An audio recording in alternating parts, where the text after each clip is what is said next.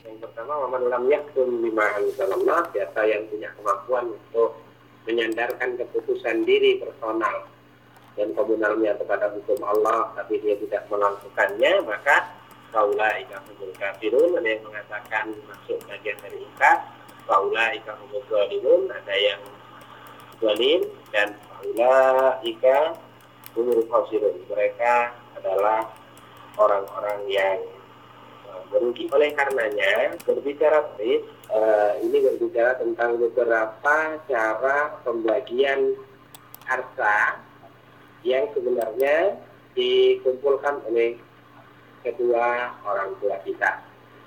Ada cara yang pertama, yakni bagaimana diatur dengan uh, hibah. Di mana hibah ini biasanya dilakukan oleh seorang tua yang masih dalam kondisi hidup dua-duanya sehingga uh, tidak terikat dengan aturan pembagian. Ini paling tidak yang jelas tidak sampai satu anak atau pemberian kepada satu anak itu melebihi dari sepertiga. Ini aturan dari namanya hibah. Tapi bisa tidak ada perbedaan antara laki dan perempuan, dia sebenarnya bisa mendapatkan bagian yang sama. Berbeda dengan waris, waris ini adalah terjadi karena adanya e, wafat atau kematian. Oleh karenanya, hal yang penting untuk ditentukan adalah yang pertama adalah sebelum setelah ada kematian berarti akan ada warisan. Sebelum diwaris harus jelas benar hak-hak dan tanggungan ada wasiatkah yang ditulis oleh almarhum ataukah ada tanggungan-tanggungan yang belum diselesaikan ataukah ada kewajiban-kewajiban yang lain yang harus diselesaikan. Ini harus diselesaikan dulu. Baru yang kedua adalah menentukan harta waris. Harta waris adalah harta yang ditinggalkan secara asli. Asli maksudnya memang harta bawaan dari yang bersangkutan sebelum menikah beserta dengan harta yang didapatkan dari pernikahan. Cuman kita di Indonesia masih mengenal ada istilah harta bonus ini.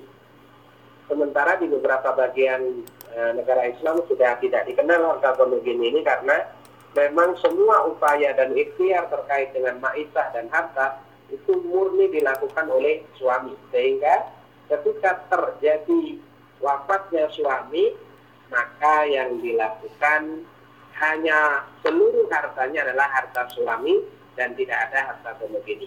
Tapi kan kita melihat kenyataan di Indonesia ternyata tidak selalu begitu.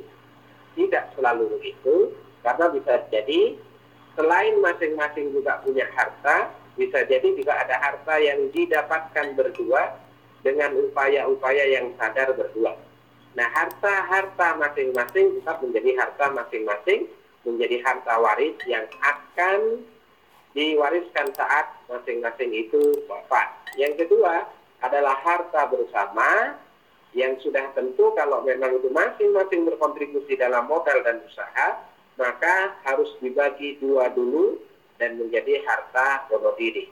Kalau perannya sama, maka dibagi dua. Kalau perannya tidak sama, tergantung kebijakan keduanya, bisa 60, 40, 70, 30, tergantung dengan peran masing-masing. Oleh karenanya, setelah hal yang paling penting kita temukan dalam hukum waris, ya, adalah menentukan siapa ahli waris siapa. Setelah menentukan harta warisnya jelas, yang kedua harus menentukan siapa yang paling berhak mewarisi. Misal suami meninggal, maka meninggalkan istri, meninggalkan anak. Atau siapa di situ yang meninggal, maka itu menentukan siapa ahli waris.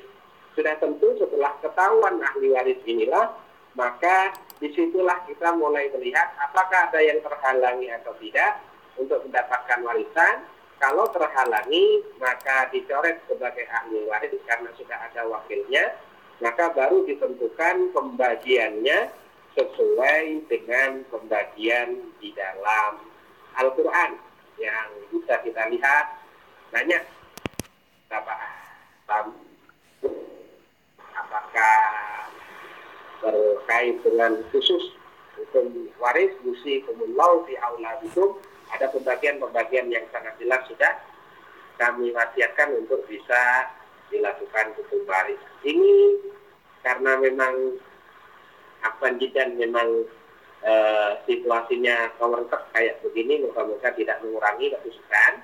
Jadi itu di antara pilar-pilar kalau kita ingin memahami hukum waris yang sudah tentu sebenarnya kita di posisi bebas untuk bisa melaksanakannya.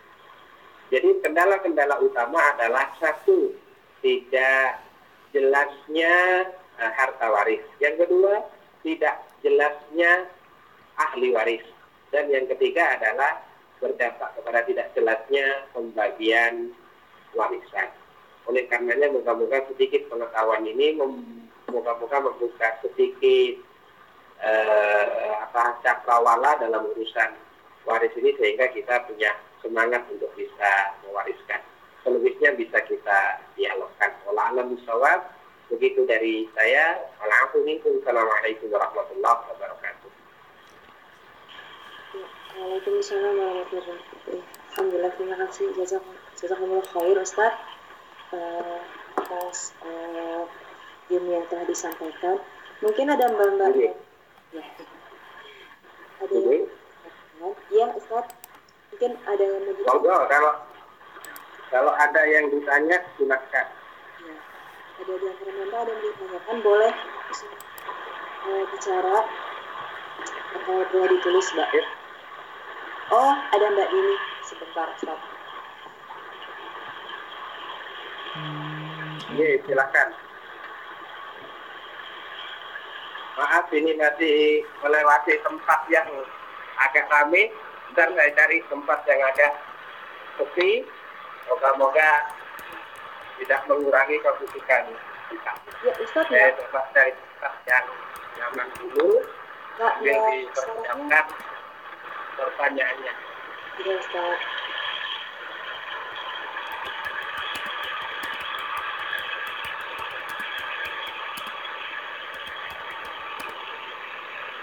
Baik, monggo silakan kita sudah menemukan tempat yang cukup Alhamdulillah. Uh, mendukung. Alhamdulillah Ustaz. Iya lagi ditulis oleh Mbak Dini dan ada yang langsung ingin ditanyakan ke Ustadznya ya mungkin bisa bisa langsung berbicara dan mbaknya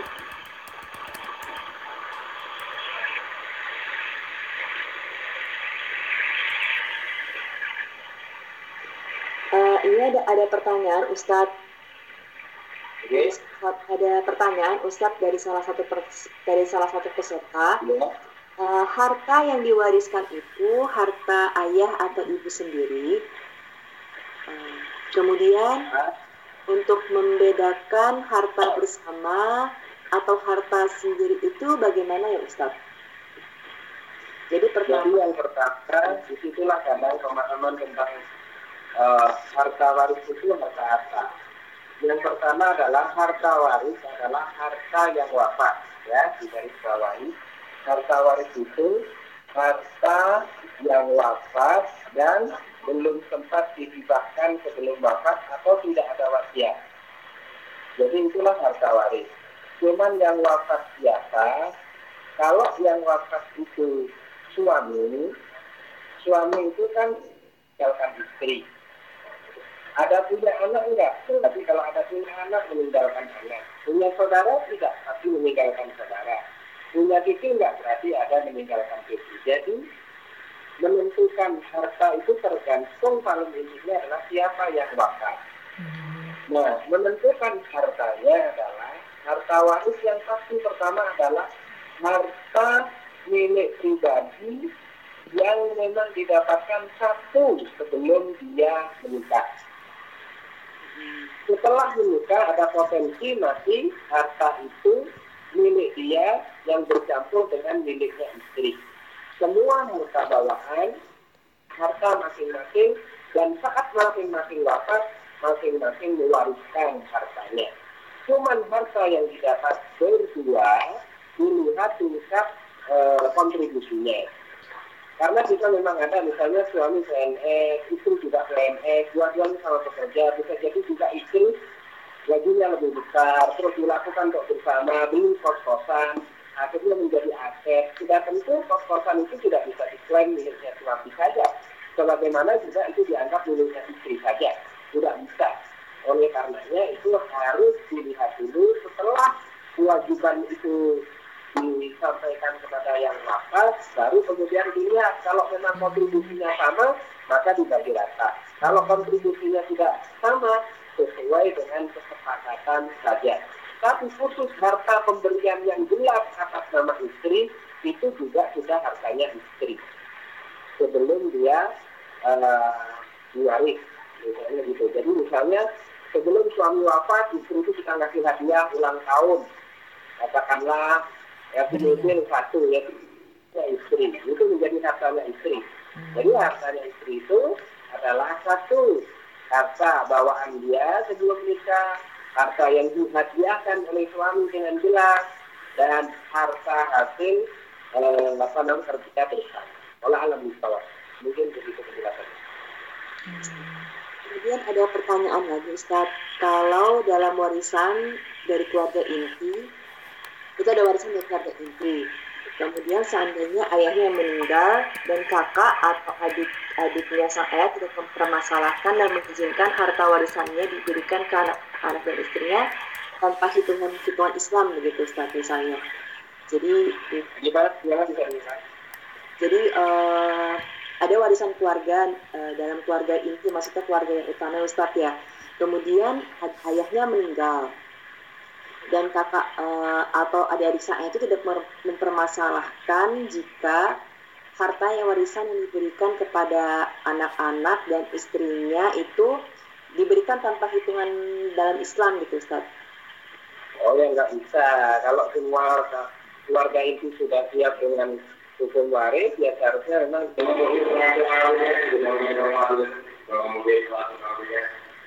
jadi harus diinginkan benar harus dijelaskan benar bahwa kalau kita secara islami ya tidak. Makanya di situ ada hadis maksud terhalangi. Kalau yang wafat ayah, yang berhak mendapatkan memang banyak. Makanya itu cara menunjukkan waris. Yang jelas dia meninggalkan istri. Maka dia meninggalkan seorang istri. Tinggal dia istrinya berapa. Kalau dua ya dua, tiga tiga, berarti empat ya empat. Tapi kalau cuma satu berarti satu istri. Terus punya anak enggak? Ya. Maka kalau dia punya anak, dihitung anaknya laki perempuan berapa jumlahnya itu ahli warisnya.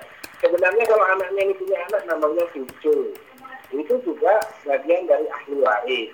Tapi cucu ini terhalang oleh anak. Saudara juga terhalang oleh istri dan anak-anak. Sehingga dalam konteks ini saudara sebenarnya tidak mendapatkan apa-apa. Kalau lengkap ada istri, ada anak. Itu yang paling penting untuk bisa ditegakkan. Uh, kemudian Ustadz ada pertanyaan lagi. Kalau utang yang wafat uh, juga diwariskan tidak Ustadz? Uh, jadi kalau utang yang wafat maksudnya diwariskan gimana? Jadi misalnya ada orang yang wafat,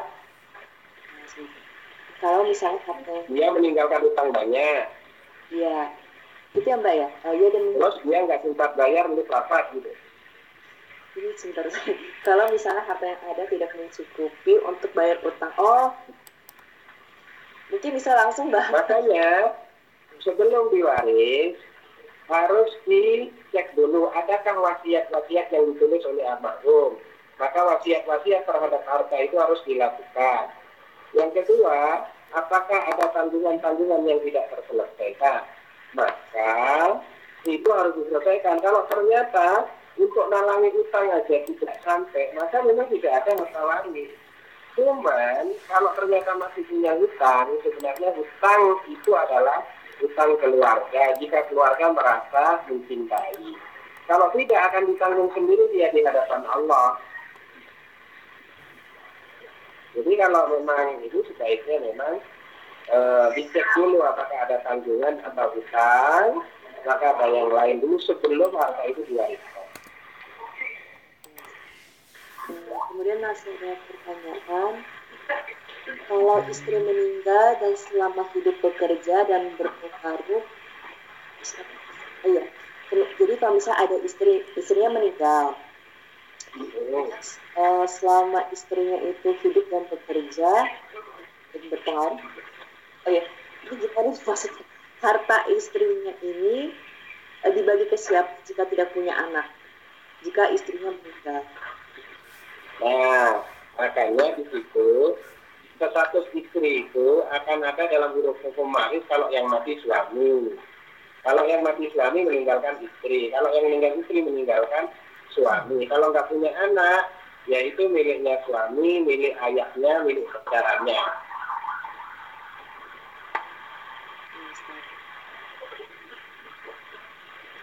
Kemudian bolehkah kita mengamanatkan bahwa lebih dari separuh harta kita itu untuk dihibahkan kepada salah satu ahli waris? Bisa jadi karena... Tak boleh, riba nggak boleh lebih dari sepertiga. Uh, ya, Oh iya, nggak bisa nggak boleh nggak tidak bisa lebih dari sepertiga ya Ustaz ya? Iya. Nah, ya. Katanya di sini salah satu kali waris yang bisa jadi paling disayangi. Lalu sisanya dibagi. Kalau nggak bisa, harus ada keadilan tetap. Iya, iya Ustaz. Ini ada pertanyaan lagi. Oh, masih ada lagi. Iya Ustaz, uh, masih ada. Uh, pesertanya ada dua peserta sedang sedang menulis pertanyaannya Ustaz. Uh, Ustaz ada ya, Ustaz ada badan hukum yang mengurusi masalah warisan tidak? Dari pertanyaan dari salah satu. Gimana gimana? Ada badan hukum yang mengurusi masalah warisan? Tidak. Kalau di Indonesia di bawah Kemenak mestinya ya. Waris terus kemudian hibah atau wakaf itu ada di bawah Kemenak ya. Di bawah undang-undang mungkin kompilasi hukum Islam tolaklah tapi kalau menurut kita lebih banyak memang itu kesadaran personal bahwa ini harta yang bisa kita lakukan adalah membaginya secara islami supaya harta itu bisa halal. Hmm, bagaimana hukumnya jika setelah mendapatkan harta waris, ahli waris tersebut membeli harta waris tersebut dengan memberikan sejumlah uang, uh, sejumlah uang yang uh, yang jadi gini, jika setelah mendapatkan harta waris, ahli waris tersebut membeli harta waris tersebut dan memberikan sejumlah uang sesuai dengan nilai warisan tersebut kemudian memberikan uang tersebut kepada ahli waris lain. Dan bagaimana hukum uang diberikan tersebut, Ustaz? Kalau sudah dibagi dengan sah, maka ahli waris menjadi mengantongi hak milik. Setelah hak milik itu menjadi hak milik ahli waris, dengan kesepakatan dengan hukum yang sudah dijalankan, ya terserah kepada ahli waris apakah dia tetap akan menggunakan mengelola waris atau mau menjualnya ke pihak yang lain. Nah itu sudah pasnya kepada transaksi jual beli. Asalkan hukum dan syaratnya pas, harganya juga dengan sesuai dengan apa adanya, normal, dengan syarat-syarat yang terpenuhi, sudah tentu transaksinya juga halal dan boleh. Kalau ahli warisnya satu orang, apakah dia merupakan serta status pasca dari kan gimana gimana? Eh jelas. Jadi ada di warisnya ini tinggal satu orang Ustadz ya ya. Apakah dia bisa mendapatkan 100% hartanya gitu Ustadz yang satu itu siapa? Itu harus jelas dulu ya anaknya satu persen mungkin. Oh iya lagi. Anaknya Ustadz misalnya. Nggak bisa dia itu siapa? Kecuali dia tinggal sendiri ya. Tinggal misalnya sendiri. Sendiri itu punya cuma punya istrinya sudah meninggal bapaknya sudah meninggal saudaranya juga sudah tidak ada Gak punya anak kecuali satu lah, itu namanya pewaris tunggal. Jadi istilah dalam warisan itu asotak binafsi, dia menghabiskan kita sendiri. Karena sudah tidak ada lagi tempat untuk berbagi ahli waris yang lainnya. Kemudian Ustaz, pendapatan dari harta waris apakah wajib disakatkan? Jika wajib, e, berapa persen yang harus? Sebenarnya semua yang kita dapat berupa harta ataupun apa itu kan rezeki.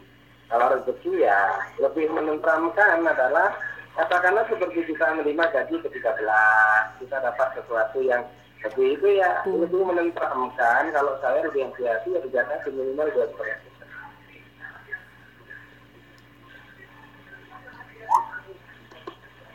Kemudian Ustadz, bisakah seseorang tidak memberikan harta warisannya kepada satu ahli waris saja, tetapi tetap memberikan kepada ahli waris lainnya? Hukumnya dalam Islam bagaimana? Eh, mau diatur secara Islam ya? Iya. Kalau secara Islam ya ditetapi pembagian itu tidak mau sendiri. Ya. Masih ada lagi yang mau ditanya Mas Wadi? Oke, halo. Bisa ada, ada dua anak dua ada dua anak bersaudara. Ketika orang tua belum meninggal, salah satunya uh, bilang uh, bahwa tidak tidak mau warisan gitu. Tapi setelah meninggal di kemudian hari si anak bilang untuk uh, menuntut kemudian anak itu bilang maksudnya saya mau menuntut warisan itu gitu. Itu bagaimana Ustaz? Jadi hak itu tidak bisa hilang dengan kata-kata. Hmm Misalnya kalau dia memang berhak ya wajib berhak kecuali setelah dia haknya diterima diberikan ke siapa itu. Tapi kalau ini dia nggak minta, dia harus memberikan haknya. Katakan saya nggak mau warisan, bukan berarti warisan dia nggak ada. Dia tetap punya hak waris, cuman bagaimana nasib warisannya itu? Apakah dia serahkan ke orang lain, ataukah uh, dia Uh, kalau tidak nanti tidak diurusi akan jatuh kepada anaknya. Um, ada lagi Mbak yang mau ditanyakan? Jember sudah datang. Ya, Jember belum. Anu. Udah enggak ya? Sudah selesai. Ada yang mau ditanyakan lagi Mbak? Enggak. Iya, sepertinya sepertinya udah Mbak Baik sudah selesai bertanya. Karena anaknya dulu. Sudah selesai Mbak ya? Iya, ada lagi? Masih ada Mbak. Masih ada Mbak. Iya, iya. Sebentar. Silakan, Kak. Oh, atau dibacakan aja ya? Iya. Jadi kalau uh, katanya bagaimana kalau orang tua tidak memberikan warisan kepada anak yang durhaka, Ustaz? Apakah boleh? Kriterianya durhaka itu apa? Yang durhaka yang tidak dapat warisan itu satu kasus pembunuhan, anak membunuh ayahnya, ibunya, atau kasus ingkar karena murtad itu nggak dapat lah yang muslimul kafirah walau kafirah muslimah. Tapi kalau karena dianggap apa namanya durhaka itu pun subjektif orang tua, kalau dia nggak memberikan hak dia yang berdosa. Oh iya, satu lagi Ustadz. Jadi kalau misalnya Jadi, anaknya itu murtad, berarti dia keluar dari hak waris ya? Oh iya, kalau bapaknya seorang muslim dia murtad, hmm. dia dikeluarkan dari hak waris. Hmm. Karena dia dianggap tidak ada di dalam hukum Islam. Tidak ada hak dia dari orang tua tentang warisan. Tapi kalau mas, misalnya orang tuanya tetap memberikan haknya itu boleh nggak Ustadz? Kan berarti kalau misalnya Ya, berarti diberikan ya. sebelum orang tuanya mati, namanya oh. hibah, hibah boleh. Oh, seperti itu. Kalau waris tidak boleh. Hmm. Hibah itu dibagi sebelum meninggal. Kalau dibagi setelah meninggal namanya an waris. Waris nggak boleh, hibah boleh. Jadi Ustaz saya mau bertanya Ustaz, kalau misalnya uh, ada misal ada anak yang lahir dari secara haram maksudnya di luar uh, di luar pernikahan otomatis berarti kan dia tidak berhak untuk mendapatkan uh, warisan dari bapaknya Ustaz ya? Iya nggak perwalian nggak dapat warisan juga nggak dapat gitu.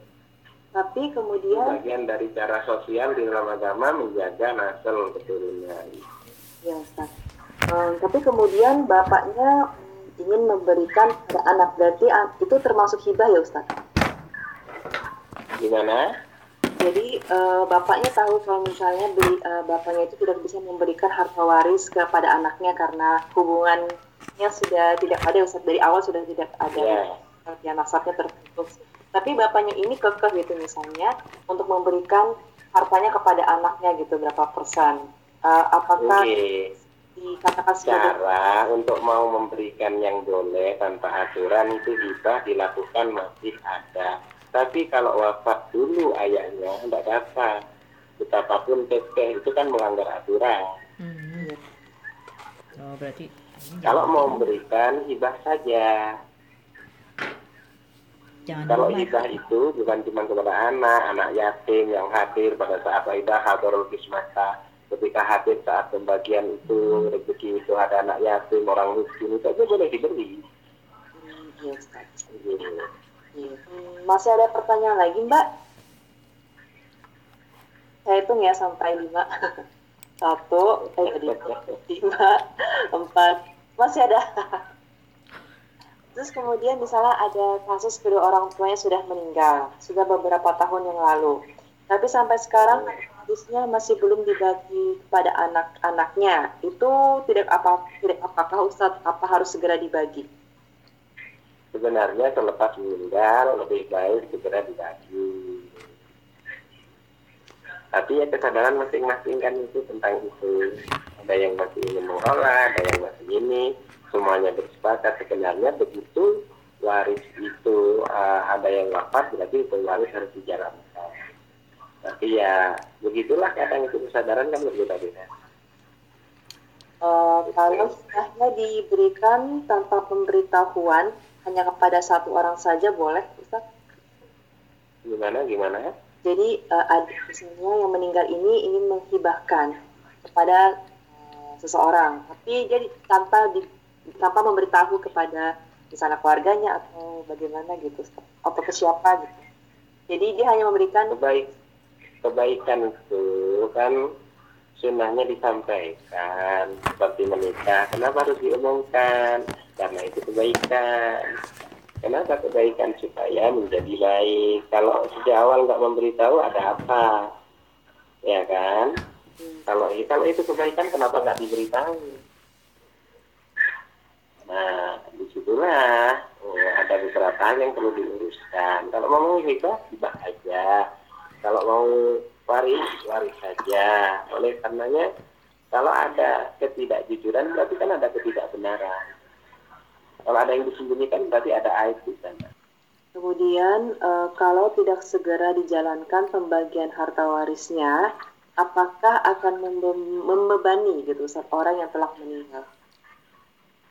Ya, kalau yang meninggal kan dia tidak bisa apa-apa. Yang hidup itu yang harus menjalankan dia sudah selesai. Tapi kalau kemudian yang hidup seperti orang sudah menyerahkan korban, sudah diserahkan nggak disembelih-sembelih ya urusannya yang panitia yang membeli itu. Ini sudah wafat harus diwariskan, sudah tentu nanti bebannya kepada yang hidup. Kenapa nggak segera dilaksanakan? Ada pertanyaan masih Iya Ustaz masih ada pertanyaan. Iya, Ya, jazakallah khair jawabannya Ustadz kata salah satu peserta.